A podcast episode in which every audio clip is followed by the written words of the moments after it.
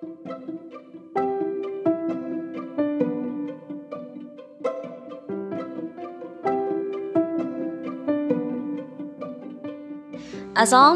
warahmatullahi wabarakatuh. Kembali lagi di podcast pembelajaran sosiologi. Kali ini kita akan mengulas kembali nih mengenai permasalahan sosial mengenai perspektif sosiologi. Nah, memang ini sempat dibahas di Google Meet pertemuan sebelumnya karena berhubung banyak siswa yang tidak melakukan Google Meet pada pekan lalu, maka akan Ibu ulas kembali agar kalian dapat dipahami dan kalian bisa putar kembali jika kalian merasa lupa ataupun memang uh, masih tidak mengerti mengenai materi masalah sosial dalam sudut pandang sosiologi. Oke, mari kita mulai. Jangan lupa untuk sembari membuka slide yang Ibu lampirkan di Google Classroom. Uh, kita mulai dari halaman atau slide nomor 4 mengenai pengertian masalah sosial.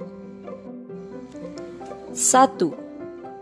Pengertian masalah sosial.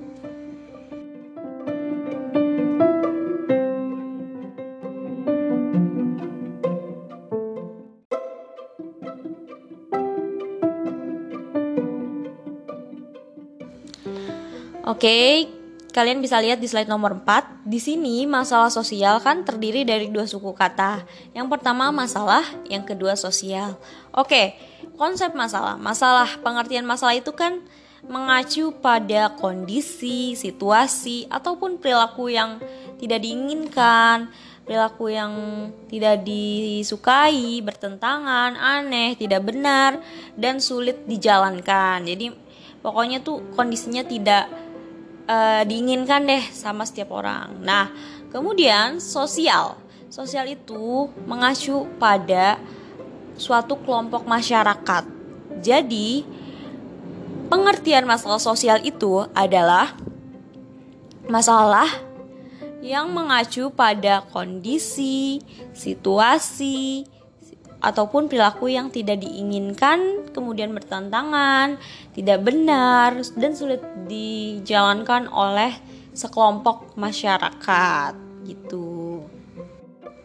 Oke, selanjutnya kita masuk saja ke pengertian masalah sosial menurut tokoh atau sosiolog di seluruh dunia. Di sini kita mulai lihat dari Menurut Arnold Rose, mengatakan masalah sosial adalah sebab kesulitan masyarakat.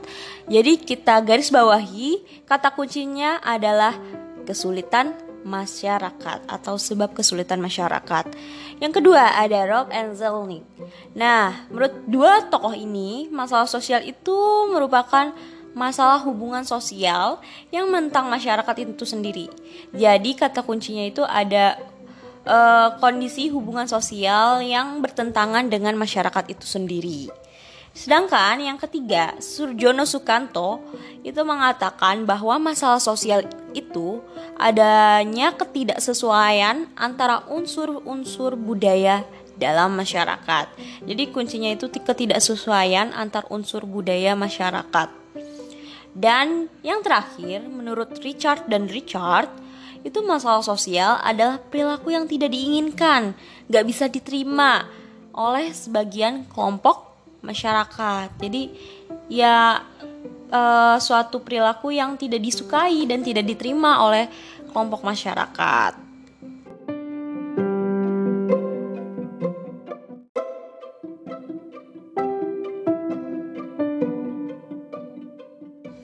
Oke, Ibu langsung saja lompat ke halaman atau slide nomor 7 mengenai hal-hal yang perlu diperhatikan pada permasalahan sosial. Jadi di sini ada empat poin. Yang pertama, penggunaan istilah masalah sosial itu menunjukkan adanya sesuatu yang salah. Jadi dalam suatu fenomena di lingkungan masyarakat, ketika fenomena itu ada sesuatu yang salah, itu dapat dikatakan menjadi masalah sosial. Yang kedua, Poin kedua ini mengacu pada masalah sosial adalah kondisi sulit yang mempengaruhi sejumlah besar masyarakat. Jadi, masalah sosial itu uh, kondisi yang uh, mempengaruhi sejumlah besar masyarakat. Kalau misalkan masalah sosial itu hanya dirasakan oleh beberapa orang atau satu atau dua orang itu bukan namanya masalah sosial, namun itu namanya masalah pribadi. Tapi kalau masalah sosial ini dirasakan oleh bagian besar masyarakat atau sejumlah besar masyarakat, itu namanya masalah sosial. Yang ketiga, poin ketiga ini masalah sosial itu mengandung optimisme dapat diubah. Jadi, masyarakat ini optimis kalau masalah sosial atau fenomena yang tidak apa ya, fenomena di masyarakat ini yang berseberangan, bertentangan dan tidak diinginkan ini dapat diubah, dapat uh, dicari solusinya, dapat di apa ya, temukan jalan keluarnya. Dan yang keempat, masalah sosial itu adalah kondisi yang harus diubah. Mengapa demikian? Karena masyarakat uh, tidak ingin uh, menjadikan masalah sosial ini berkepanjangan yang akhirnya akhirnya tuh menimbulkan kekacauan secara terus-menerus.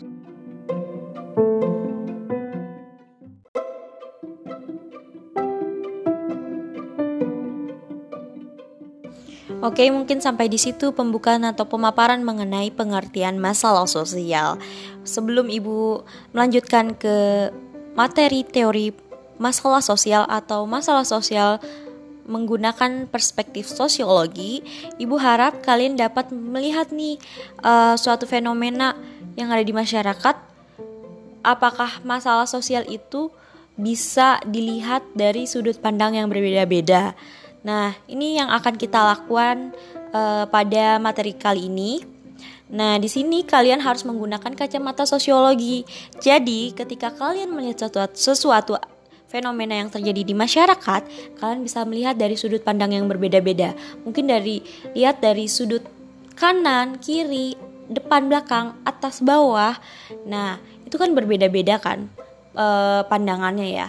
Nah, sama halnya dengan uh, teori uh, dalam masalah sosial tersebut atau perspektif sosial eh perspektif sosiologi melihat masalah sosial.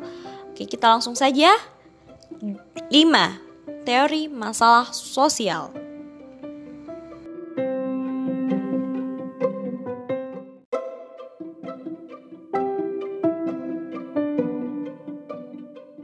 Oke, Ibu akan perlahan menerangkannya agar kalian mudah memahaminya. Jadi teori masalah sosial itu ada tiga jenis.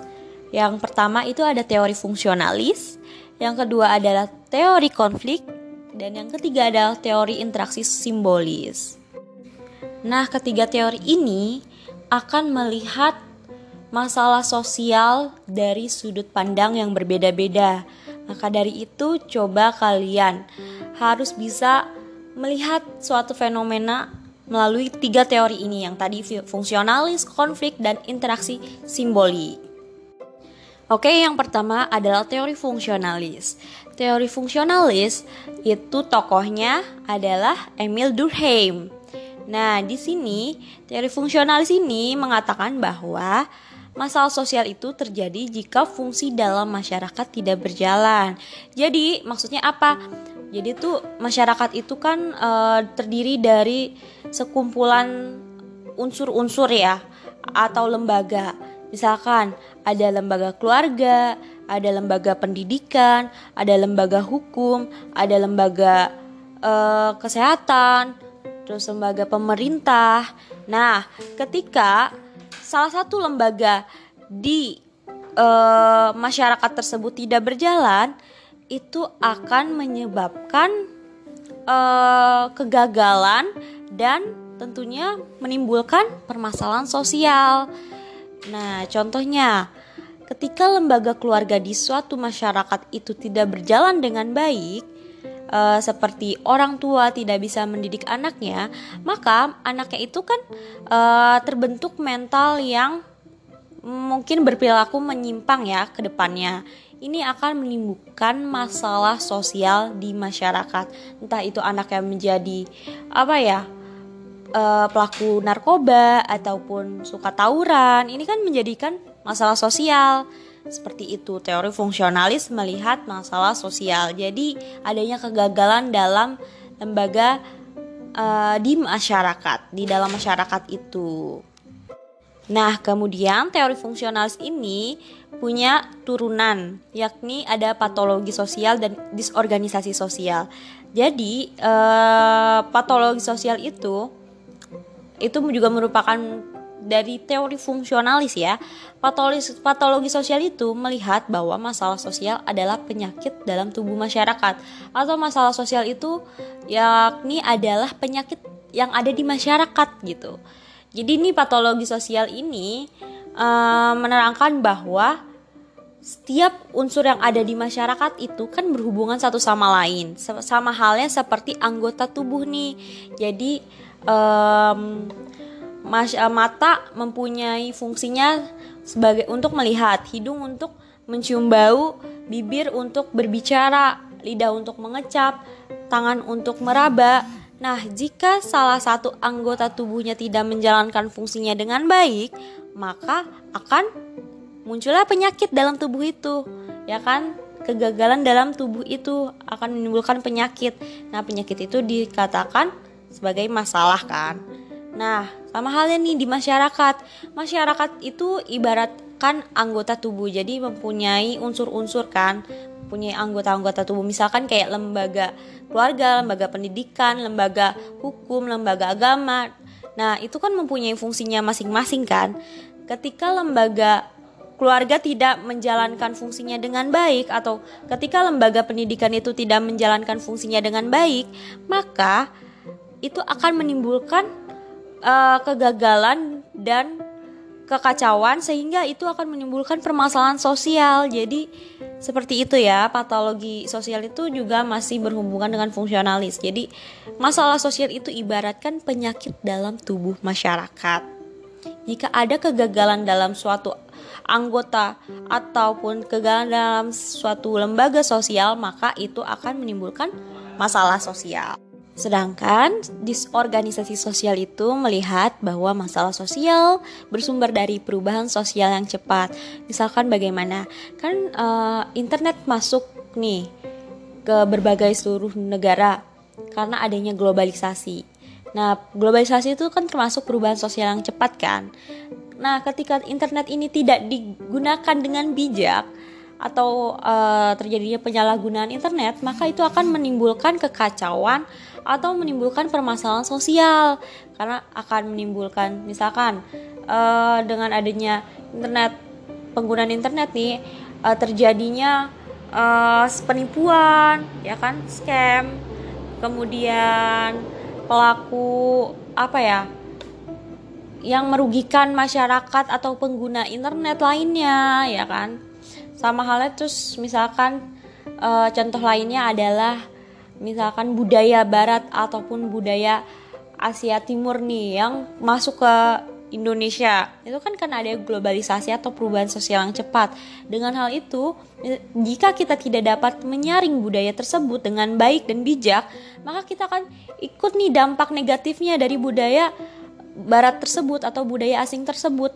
Misalkan kayak seks bebas kemudian uh, berpakaian tidak sopan kemudian bertutur atau berbicara dan berbudaya yang tidak baik dan benar ya kan?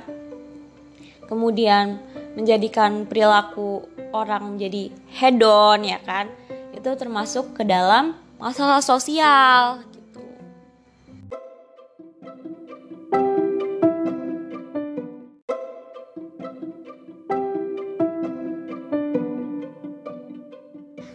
Selanjutnya adalah teori konflik. Nah, kita tadi sudah melihat suatu fenomena berdasarkan sudut pandang teori fungsionalis, kita harus melihat dari sudut pandang lain, yakni adalah teori konflik.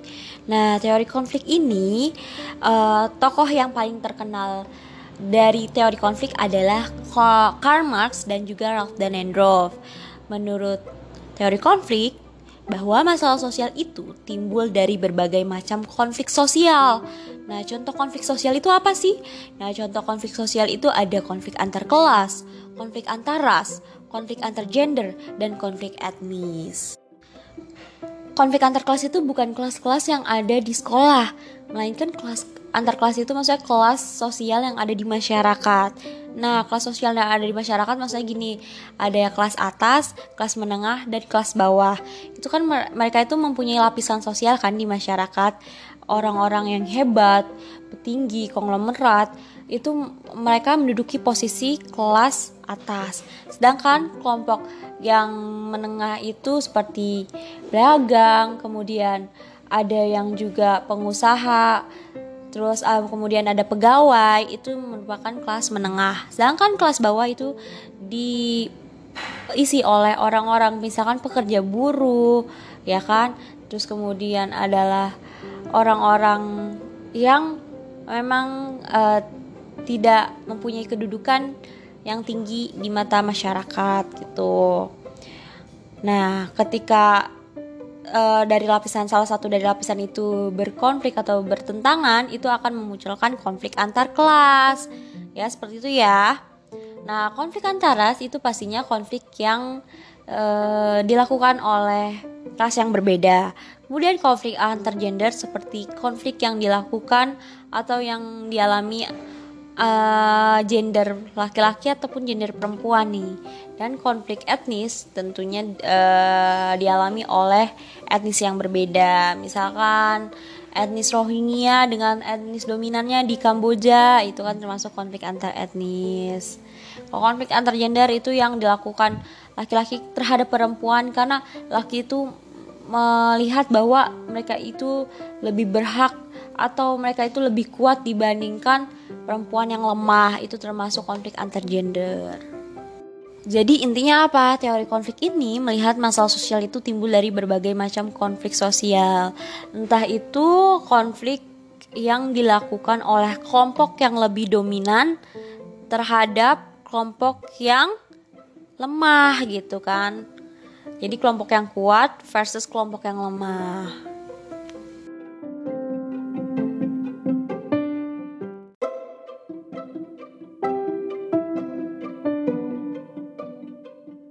Nah, selanjutnya yang terakhir ini adalah menurut pandangan teori interaksi simbolik. Tadi kita sudah melihat nih suatu masalah berdasarkan teori konflik dan teori fungsionalis kita harus tahu juga mengenai teori interaksi simbolik.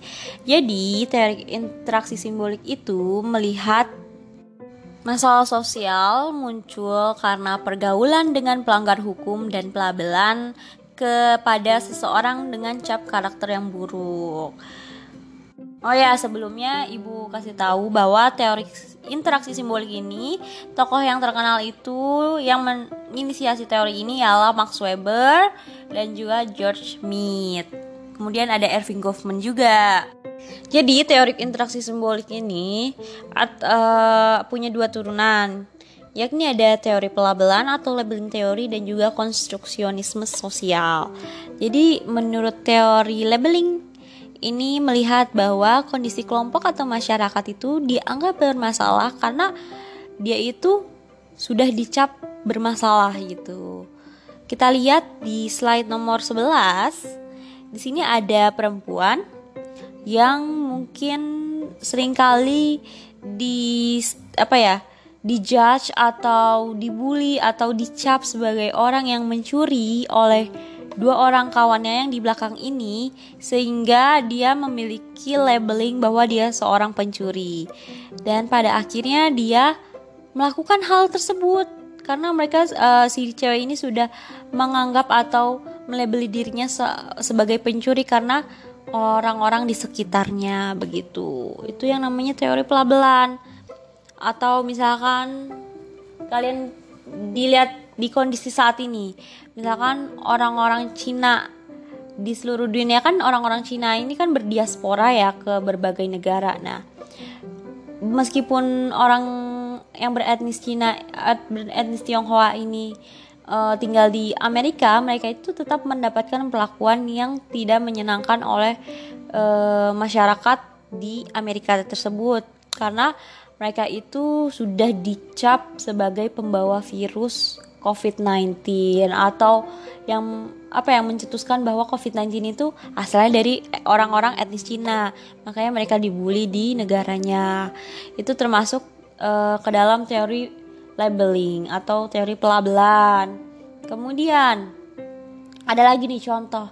Misalkan uh, para tenaga medis atau nakes yang uh, sudah melakukan protokol kesehatan ya kan? Ketika selesai bertugas mereka sudah bersih-bersih ataupun sudah melakukan protokol sesuai protokol tapi tetap saja mereka ketika mereka ingin membeli makanan atau keluar mereka dijauhi oleh masyarakat.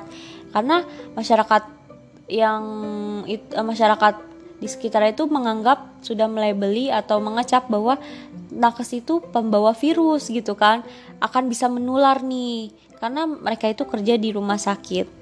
Nah, ini yang menjadikan uh, suatu masalah dilihat dari teori labeling atau teori interaksionalis simbolik.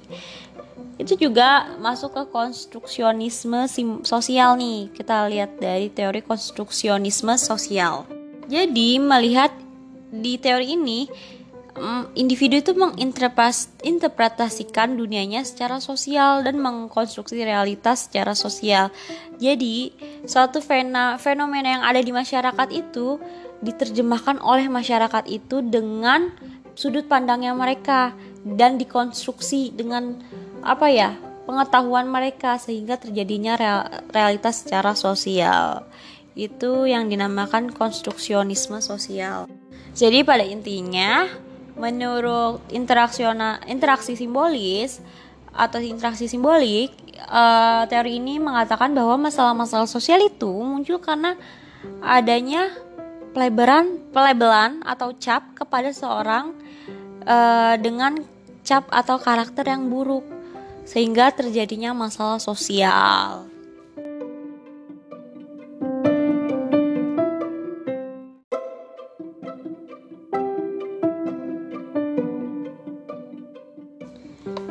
Oke, mungkin cukup segitu uh, pemaparan materi mengenai masalah sosial menurut sudut pandang sosiologi atau mengenai teori-teori permasalahan sosial.